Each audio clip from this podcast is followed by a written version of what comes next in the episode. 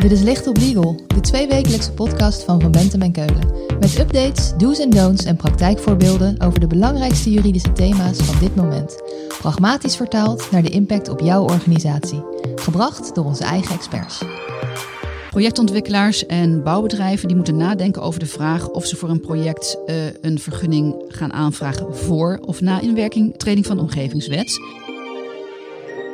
Als we iets willen bouwen in Nederland, dan is voor alles wat daarmee te maken heeft wel een wet. Van geluidshinder tot omgang met de natuur en van bodemverontreiniging tot luchtkwaliteit. De wetgever wil die weerwar aan regelgeving compact en eenvoudig samenvoegen in de Omgevingswet. Op 1 januari 2022 treedt de wet in werking. Maar wat zijn nou de belangrijkste veranderingen die die wet meebrengt? En wordt het echt allemaal zo makkelijk als de wetgever ons wil doen geloven? Daarover praten we deze keer in Licht op Legal met Monique Rus. Ze stelt zich even voor. Ik ben Monique Rus, advocaat en partner bij VBK. En ik geef samen met Frank Mulder leiding aan de teams omgevingsrecht en bestuursrecht. Monique publiceert regelmatig over omgevingsrechtelijke onderwerpen en is mede-auteur van het handboek Onteigening. Monique, die nieuwe omgevingswet komt eraan. Wat is er aan de hand? Ja, die nieuwe omgevingswet houdt in dat 26 bestaande wetten worden gebundeld in één wet en 60 bestaande algemene maatregelen van bestuur in vier ANVB's worden gebundeld. En de omgevingswet die zal gaan over alles wat te maken heeft met de fysieke leefomgeving. En er komt ook één digitaal loket om alle ruimtelijke projecten op te starten. Kortom, die omgevingswet gaat van losse regels over losse onderwerpen naar een soort holistische benadering waarin een goede fysieke leefomgeving het streven is. Dat klopt. Nu is alles heel erg uh, fragmentarisch uh, geregeld in verschillende wetten die allemaal zien op een uh, specifiek deeltje van onze fysieke leefomgeving. He, denk aan natuur of denk aan water of denk aan bodem. En dat komt straks allemaal in één wet gebundeld. En daar hoort dus ook één loket bij waar je je als burger en bedrijf kan melden. Ideaal. Ja, de ambitie is dat, uh, dat je als burger of als initiatiefnemer tot één digitaal loket kunt wenden en daar uh, je vergunningaanvraag kunt indienen. Zijn er dan echt grote inhoudelijke wijzigingen als het eigenlijk gewoon een samenvoeging van een hele hoop wetten is? Nou ja, het antwoord op die vraag is eigenlijk ja en nee. Uh, nee, omdat het voor een heel groot deel een herschikking van regels is. En de meeste inhoudelijke normen zullen niet veranderen. Maar tegelijkertijd ook ja, omdat er heel veel rijksregels uh, verhuizen naar decentraal niveau. Dus het uitgangspunt van de omgevingswet is ook decentraal, tenzij. Dus een deel van de landelijke regelingen gaat naar de gemeente. Monique, deze wet is omvangrijk. Dat kunnen we niet allemaal behandelen. Wat zijn volgens jou de drie belangrijkste dingen die je moet weten over de omgevingswet? Nou, één, het bestemmingsplan gaat omgevingsplan uh, heten. En dat nieuwe omgevingsplan heeft betrekking op het hele grondgebied van de gemeente. Twee, er zullen straks meer mogelijkheden zijn voor maatwerk. En drie, uh, de mogelijkheid uh, tot participatie wordt wettelijk verankerd. We beginnen bij het bestemmingsplan. Dat wordt omgevingsplan. Een simpele naamsverandering dus. Nou, dat is niet helemaal waar, want uh, nu uh, gelden er in één gemeente veel verschillende bestemmingsplannen die allemaal op een stukje van de gemeente betrekking hebben. dat omgevingsplan moet dan de hele gemeente omvatten. En verder is het ook zo dat de bestaande gemeentelijke verordeningen allemaal een plaats zullen krijgen in dat omgevingsplan. Denk bijvoorbeeld aan een welstandsverordening of de APV of een monumentenverordening. Die gaan straks allemaal onderdeel uitmaken van dat omgevingsplan. En verder is het zo dat er een groot aantal nationale regels zal worden overgeheveld naar het omgevingsplan. Um, en verder heeft dat omgevingsplan niet alleen maar betrekking op de goede ruimtelijke ordening, maar ook, um, of gaat het eigenlijk over de fysieke leefomgeving? Precies, die holistische benadering. Kun je daar eens een voorbeeld van geven? Ja, um, het omgevingsplan dat bevat straks ook regels die bijvoorbeeld betrekking hebben op geluid, trillingen, uh, geur of regels die betrekking hebben op openbare orde of welstand. En dat is nu in een bestemmingsplan niet mogelijk. Dus het gaat straks over veel meer dan alleen de goede ruimtelijke ordening. Het gaat dan hè, echt over de leefbaarheid van de omgeving voor de burger. Het worden dus een soort communicerende vaten. Komt er daardoor ook meer flexibiliteit in die normen en regels met het oog op de leefbaarheid voor de burger? Ja, zeker. Dat is in ieder geval wel de bedoeling van de wetgever. En juist omdat alles in het omgevingsplan geregeld wordt, um, heeft een gemeente daar ook uh, meer uh, mogelijkheden. En het gaat er dan met name om of die goede fysieke leefomgeving geborgd is. En je kunt je voorstellen dat een goede fysieke leefomgeving uh, er iets anders uitziet als we het hebben over een bedrijventerrein, dan wanneer we het bijvoorbeeld hebben over een woonwijk. Dus dat er in een, uh, op een bedrijventerrein misschien wat meer mogelijk is qua geluid en trillingen, anders dan bij een woonwijk. En dat, is dan allemaal, dat kan dan allemaal in zo'n omgevingsplan beter worden geregeld. Klinkt als een opmaat naar jouw tweede punt. Meer ruimte voor maatwerk. Ja, dat klopt inderdaad. Er zijn straks meer mogelijkheden voor maatwerk. En dat is ook omdat het initiatief eh, straks meer zal gaan naar burgers en bedrijven. in plaats van zoals het nu is, dit is de norm en zo moet het van de overheid, ehm, moet het naar ik wil als bedrijf of burger iets en ik ga daarmee aan uh, de slag. En um, uh, een uitvloeisel daarvan is ook dat de initiatiefnemer zelf zal moeten overleggen met omwonenden en niet moet wachten op die overheid. En um, daarnaast geldt ook dat het een andere attitude vergt van die overheid. Want die zal actief moeten gaan meedenken met die initiatiefnemer om te kijken of een initiatief kan worden verwezenlijkt en binnen welke randvoorwaarden. Dat wordt dan nog wel pittig als gemeenten zo proactief moeten zijn. Dat wordt een cultuurverandering, denk ik. Je derde punt, burgerparticipatie. Dat wordt straks verplicht. Ja, uh, nu zie je al dat veel gemeenten wel vragen uh, om een participatieproject. Uh, maar straks zal de wet daar ook regels voor bevatten. En dat betekent eigenlijk dat belanghebbenden in een vroeg stadium al worden betrokken bij uh, de ontwikkeling en de besluitvorming. En het is natuurlijk wel zo, en dat is ook in de lijn van de omgevingswet, dat die participatie dan uh, door de initiatiefnemer zal moeten worden georganiseerd. Dat wordt dus of een feest, want je bent af van al dat klagen achteraf, of het wordt een poldermoeras waarin je vast komt te zitten. Ja, we zullen moeten uh, gaan zien hoe dat uitpakt. Um, maar er zal natuurlijk een vorm van participatie moeten worden georganiseerd. En ik kan mij voorstellen dat dat ertoe leidt. Uh, dat juist omdat uh, belanghebbenden in een vroeg stadium betrokken worden en mee kunnen denken en ook oplossingen kunnen aandragen, dat dat er dan toe leidt dat uiteindelijk er een besluit komt dat meer gedragen wordt door de omgeving. Dat zou een mooie uitkomst zijn. De nieuwe omgevingswet gaat in op 1 januari 2022. Dat is een jaar later dan gepland. Waarom is dat zo? Nou, dat is zo omdat uh, uh, de, het digitaal stelsel-omgevingswet uh, nog niet klaar is. Dat digitaal stelsel-omgevingswet, DSO, dat is een van de belangrijkste voorwaarden voor inwerkingtreding van de omgevingswet. Want wetgever heeft gezegd, ja, wij willen één digitaal loket waar alles samenkomt. En dan moet dat ook wel werken. En zover is het gewoon nog niet.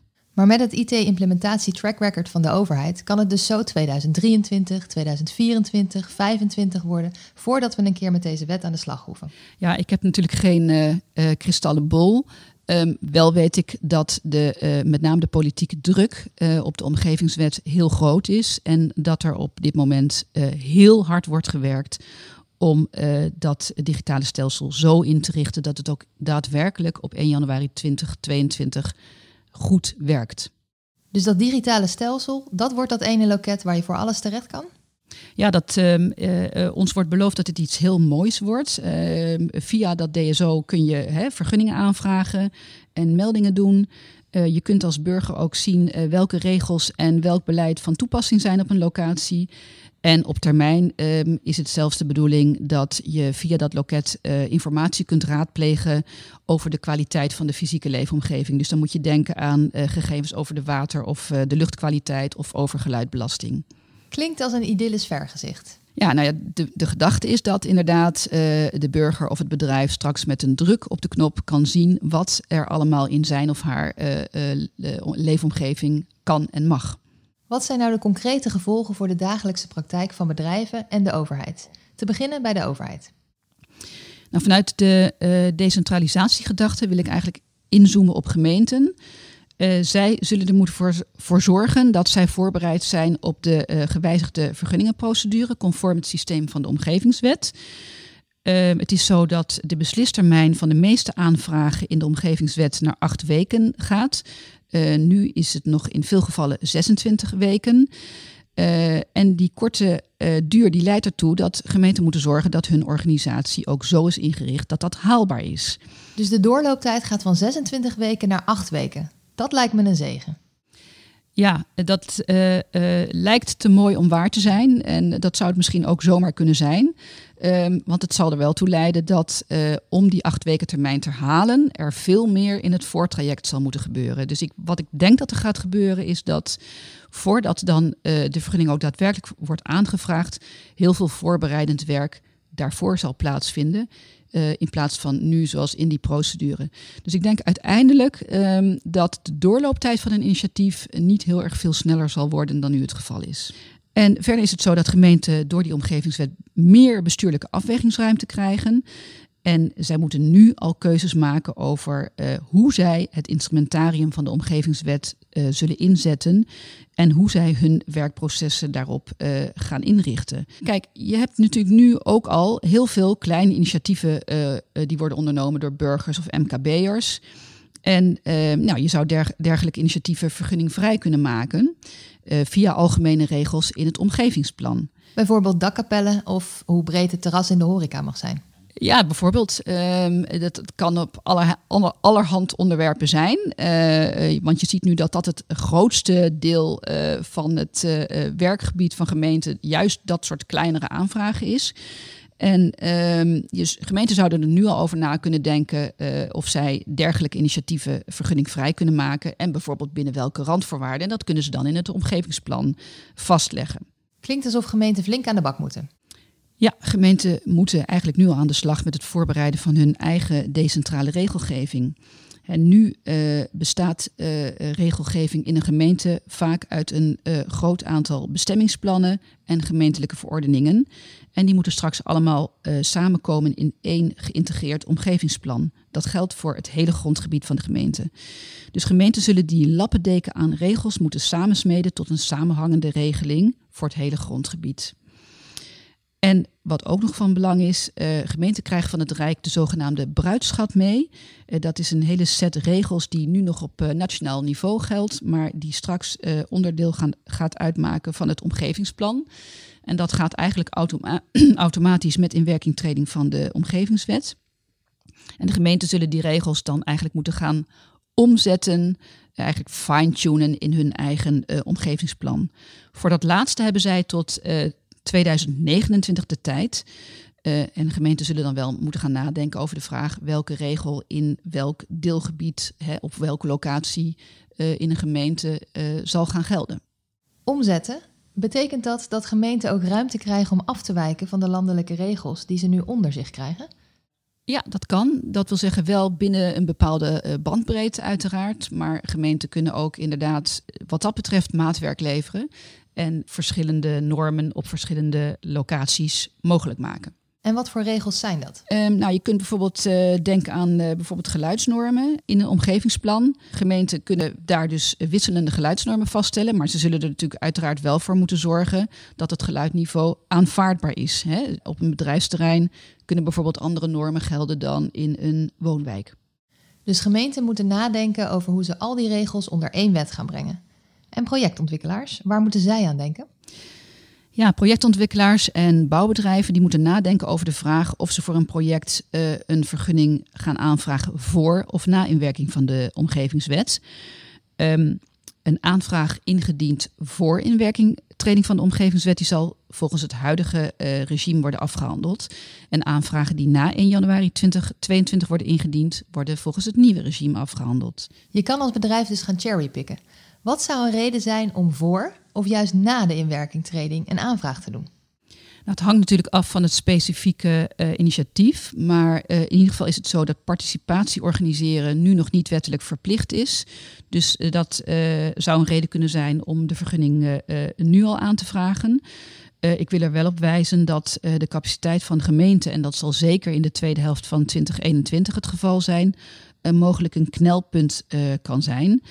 als je insteekt als ontwikkelaar op, uh, op, medewerking van die gemeente aan een bestemmingsplanwijziging bijvoorbeeld, wacht daar dan niet al te lang mee.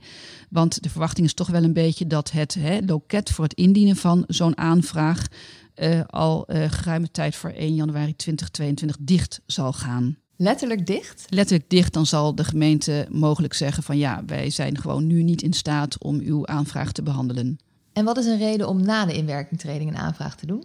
Nou ja, ik zei het eigenlijk al, hè, die kortere uh, beslisprocedure van uh, acht weken. Uh, let wel op, onder de huidige wetgeving is het zo dat als je initiatief in overeenstemming is met het bestemmingsplan en uh, de gemeente beslist niet binnen die acht weken, je dan een van rechtswegen verleende vergunning hebt. Uh, dat zal uh, na inwerkingtreding van de omgevingswet niet meer het geval zijn.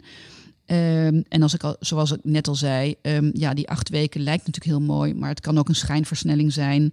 Uh, zeker bij ingewikkelde projecten um, zal het heel goed denkbaar zijn dat er meer voorbereidend werk nodig is. En wat ook wel uh, van belang is bij de uh, vraag welke keuze je nu moet maken, is dat er na inwerkingtreding van de omgevingswet gewoon meer maatwerk mogelijk uh, is. En als initiatiefnemer heb je gewoon meer regie. Dus je kunt ook meer sturing geven aan je initiatief. Veel kansen, maar ook veel dingen waar je op moet letten. Gemeenten en bedrijven, wat moeten ze nou echt onthouden? Nou, voor overheidsjuristen en beleidsmakers geldt: als je nu nog niet bent begonnen met de voorbereidingen voor de omgevingswet, dan is het zaak daar heel snel mee te beginnen. En verder wees ervan bewust dat je veel proactiever zult moeten zijn. Je zult meer moeten meedenken en uh, meer moeten meedoen. En er is meer aandacht voor samenwerken. Dus minder afwachten en zien wat er komt. En voor projectontwikkelaars en bouwers geldt: er is meer ruimte voor maatwerk straks. Dat is aan de ene kant een kans, maar het is ook een bedreiging. Het is een kans omdat er waarschijnlijk meer mogelijk is dan nu. Maar het is ook een bedreiging omdat elke gemeente haar eigen maatwerk kan organiseren. Dus ja, als iets in één gemeente kan, dan wil dat niet zeggen dat dat in de andere gemeente ook zo is. Dus in die zin is er voor de uh, bouwers en projectontwikkelaars minder rechtszekerheid. En die zullen straks, meer dan nu het geval is, uh, in overleg moeten gaan met gemeenten om te bezien wat er wel en niet mogelijk is. Monique, dankjewel. Als we meer willen weten, waar kunnen we dan terecht? Nou, je kunt mij natuurlijk altijd mailen. Mijn e-mailadres is moniquerus.vbk.nl of ga naar onze website. Wij hebben daar een aparte pagina over de omgevingswet. Dit was Licht op Legal, een podcast van Van Bentem en Keulen. Te beluisteren via Spotify, Apple Podcasts of je eigen favoriete podcast-app.